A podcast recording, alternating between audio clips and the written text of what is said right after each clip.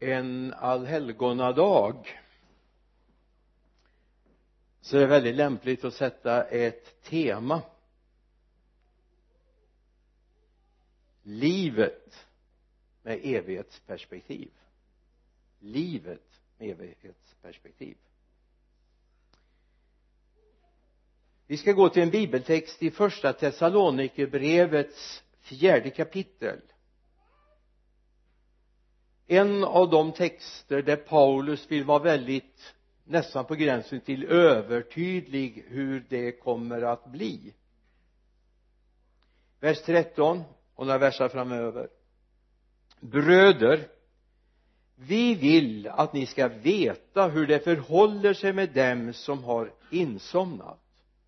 Så att ni inte sörjer som de andra de som inte har något hopp eftersom vi tror att Jesus har dött och uppstått så tror vi också att Gud ska föra fram dem som insomnat i Jesus tillsammans med honom. Vi säger er detta enligt ett ord från Herren. Vi som lever och är kvar till Herrens ankomst skall alls inte komma före de insomnade. Ty när en befallning ljuder en ärkeängels röst och en Guds basun då ska Herren själv stiga ner från himlen. Och först ska de som dött i Kristus Jesus uppstå. Därefter ska vi som lever och är kvar ryckas upp bland molnen tillsammans med dem för att möta Herren i rymden. Och så skall vi alltid vara hos Herren. Trösta därför varandra med dessa ord trösta därför varandra. Inte som kvinnan som hade läst det här fel. Hon läste så här tröska nu varandra med dessa mina ord. Men så var det inte. Den tid då Jesus levde här var en tid av okunnighet. En tid när man inte förstod vem Gud var därför tog man inte igen Jesus. Man såg inte Messias i Guds son utan det var en tid av full, fullt mörker. Vi ser det bland annat i en bibeltext i Matteus 17 vers 16 till 18 där har vi en man som har en son som är allvarligt sjuk. Han går till lär, Jesu lärjungar med honom men de förmår inte bota. När vi kommer i vers 16 så har mannen precis fört honom fram till Jesus och säger jag förde honom till dina lärjungar men de kunde inte bota honom. Jesus svarade du fördärvade släkte som inte vill tro. Hur länge ska jag vara hos er? Hur länge ska jag stå ut med er? För honom till mig och Jesus talar strängt till den onda anden. Och den får ut ur honom. Från det ögonblicket var pojken botad. Hur länge ska jag stå ut med er? säger Jesus. Detta okunniga ovilliga släkte som Jesus kom ibland. Ibland kan vi tycka så här att ja det är alltid bra tufft område. Det här är trögevangeliserat eller hur vi nu kan se på det. Jag ska säga Jesus hade inte så mycket enklare. Verkligen inte. Det var inte så lätt att nå människorna med evangeliet på Jesus tid heller. Men Paulus upplever också det här. Den här okunnigheten, oviljan att förstå Guds värld. Och går vi till apostlagärningarna 17, 28 så möter vi Paulus på Areopagen alltså i Aten. Då han förklarar så där tydligt som han kan göra till honom, alltså i Gud är det vi lever, rör och är till så som även några av era, era egna skallar har sagt. Vi är av hans släkt. Är vi nu av Guds släkt bör vi, bör vi tänka oss bör vi inte tänka oss att gudomen liknar något av guld, silver eller sten, en bild som kommit till av mänsklig konst och fantasi? Gud har länge haft överseende med okunnighetens tider men nu befaller han människorna att de alla och överallt ska omvända sig. Ty han har fastställt en dag då han ska döma världen med rättfärdighet genom den man som han har bestämt till detta sedan han erbjudit, tro, erbjudit tron åt alla genom att uppväcka honom från de döda. Alltså det finns en okunnighet och den okunnighetens tid lever vi kvar i än idag. De flesta människor går förbi kyrkorna.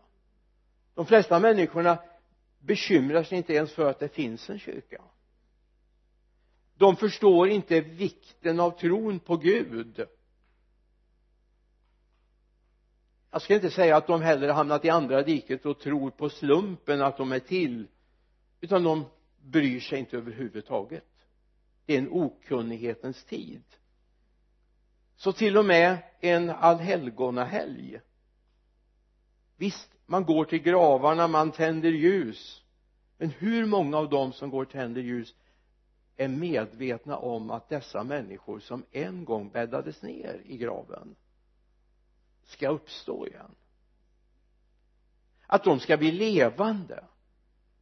Att de ska få igen sitt jordelivs gärningar ja det är inte en tanke som man överhuvudtaget reflekterar över. Jag tycker det är fint när man tänder ljus på gravarna men jag vet vad bakgrunden är och då blir jag lite kluven det är för att dessa människors andar inte ska hitta fel. De ska hitta rätt till rätt grav. Och då blir det lite mera problematiskt även om det är fint på dessa mörka kyrkogårdar när det lyser ljus. Men det är en tid av okunnighet. Och inte minst den här tiden. Hela halloweenfirandet som vi hade igår är faktiskt för att försöka slå ut evangeliet om de dödas uppståndelse om det eviga livet. Så vi lever i en tid full av okunnighet. Petrus säger i sitt första brevs första kapitel första Petrus 1 vers 14 som lydnadens barn alltså han skriver som kristna ska ni inte styras av det begär som ni tidigare levde i när ni ännu var okunniga? Nej liksom han som har kallat er från eh, er heliga ska ni föra ett alltigenom heligt liv. Det står skrivet ni ska vara heliga ty jag är helig. En dag ska det uppenbaras att han faktiskt hade tänkt någonting mer. Livet är inte slut när döden har inträtt. Tillvaron är inte slut. Det är inte mörkt även de som är döda lever. Inför Gud är alla levande. Han ser alla. Och det är där den här texten kommer in som vi läste inledningsvis i första Thessalonikerbrevets fjärde kapitel låt oss gå tillbaka till verserna 17 och 18 därför ska vi som lever och är kvar ryck, kvar ryckas upp bland molnen tillsammans med dem för att möta Herren i rymden. Och så ska vi alltid vara hos Herren. Trösta varandra med dessa mina ord. Det kommer en dag då vi ska vända vår blick uppåt. Därifrån nalkas vår förlossning. Och det är så sant det är de här två männen, två änglarna vid graven hälsar. Du har det i apostlagärningarnas första kapitel verserna 10 och 11 det är vid upp, när uppryckan när Jesus har lämnat dem. Då kommer det här medan de såg, såg mot himlen dit han for upp se då stod två män i vita kläder hos dem och de sa ni män från Galileen varför står ni och ser mot himlen?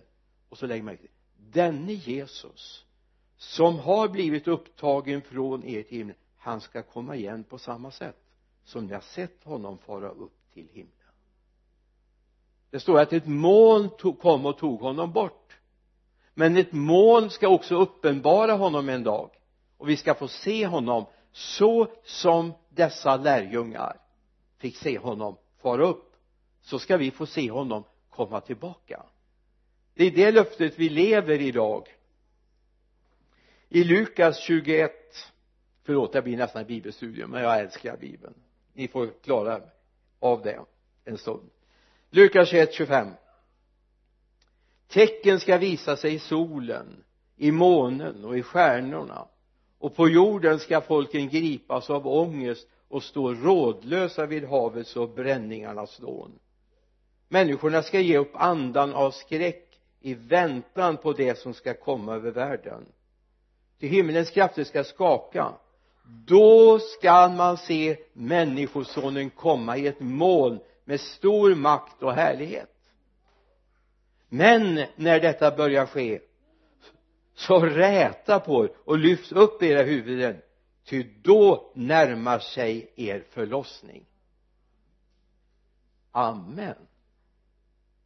Han ska komma i stor makt och härlighet på molnen då ska vi räta på oss för då nalkas vår förlossning från den här jorden. Frågan är har vi den där inre klarheten så vi ser att det här är på gång? Eller har vi lurats in i att det här är något mystiskt, något undligt som vi inte riktigt kan veta så mycket om? Paulus säger så här i Efesierbrevets första kapitel vers 14 anden är en handpenning på vårt arv. Hans e att hans eget folk ska förlossas för att hans härlighet ska prisas. Anden i mig är den förutbetalning av det himmelska. Så jag ska veta att jag ska få ut hela arvet. Jag fick en handpenning en förskottsbetalning på det himmelska för att jag vet, ska veta vad är det jag ska få till fullo en dag därför är det så viktigt med den helige ande. Alltså jag, jag skulle inte klara livet utan den helige ande för den talar om för mig när det här jordelivet är slut. Då vet jag jag har någonting ännu bättre. Inte för att jag vill fly ur den här världen utan därför jag kan vara trygg i den här världen och veta när allt är slut så har jag någonting som är ännu bättre framför mig så himlen är inget okänt. Utan precis som Paulus säger i första Korinthierbrevets andra kapitel vers 9 då säger han så här men vi väntar som skriften säger vad ögat inte har sett och örat inte hört och vad människohjärtat inte kunnat ana vad Gud har berett åt dem som älskar honom. Ty för oss har Gud uppenbarat det genom sin ande alltså genom den heliga ande i mitt liv så har jag fått en förmåga att se bortanför förlåten. Inte detaljer men jag kan känna där borta finns en verklighet. Dit jag är på väg genom Guds ande i mig. Och så står det sen anden utforskar allt också djupen i Gud. Alltså genom den helige ande som han har gett mig. Så har han gett mig en förmåga att se bortanför längre än den här närvarande världen. De människor som finns runt omkring och ser bara den närvarande världen. Vilket gör att de måste göra ut allt i den här tiden man måste hinna snurra jorden runt ett antal gånger. Man måste hinna ha en mängd prylar. Man måste hinna allting. För de har ju inte medvetenhet om det som kommer sen. Vi är rika i Gud. Vi får vara hur fattiga vi vill i den här världen eller känna oss som fattiga kyrkråttor vi är rika i Gud. Och det bästa ligger framför och jag menar även om jag skulle gå på dödsbädden kan jag sjunga att min framtidsdag är ljus och lång. Eller hur? Därför att han har i mig lagt ner någonting som har gjort gett en förmåga att se det som kommer. Och det är viktigt att vi lever med det perspektivet. I Matteus 25, 21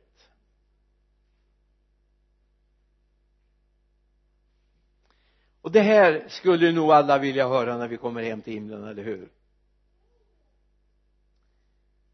Hans herre sa till honom bra bra du gode och trogne tjänare. Du har varit trogen i det lilla. Jag ska sätta dig över mycket. Gå in i din herres glädje.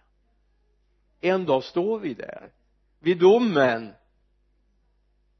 Och vi kan vara glada, vi kan jubla. Det är inte ofta man gör när eh, domar utförkunnas utan man är ganska bävande. Vad blir det? Men domen kommer förkunnas. Du är fri. Du är fri. Skulden tog han på sig. Och så kan Herren den rättvise domaren vända sig och säga bra du gode och trogna tjänare. Du har varit trogen i det lilla. Jag ska sätta över mycket. Gå in i din herres glädje så denna alla helgons dag kan du vara glad. Du kan jubla. Därför att han har lagt ner sin ande i våra hjärtan som också hintar om det som kommer. Det som kommer att ske en dag. Amen. Herre låt det här få bäddas ner i våra hjärtan Jesus. Låt oss få känna herre din närvaro din omsorg och herre hjälp oss att vi inte behöver leva i töcken en osäkerhet utan herre du har lagt ner vissheten i våra hjärtan genom din heligande tack för att din heligande har uppenbarat vad som kommer att ske. Tack herre för att vi får leva i det. För ditt namns skull. Amen amen.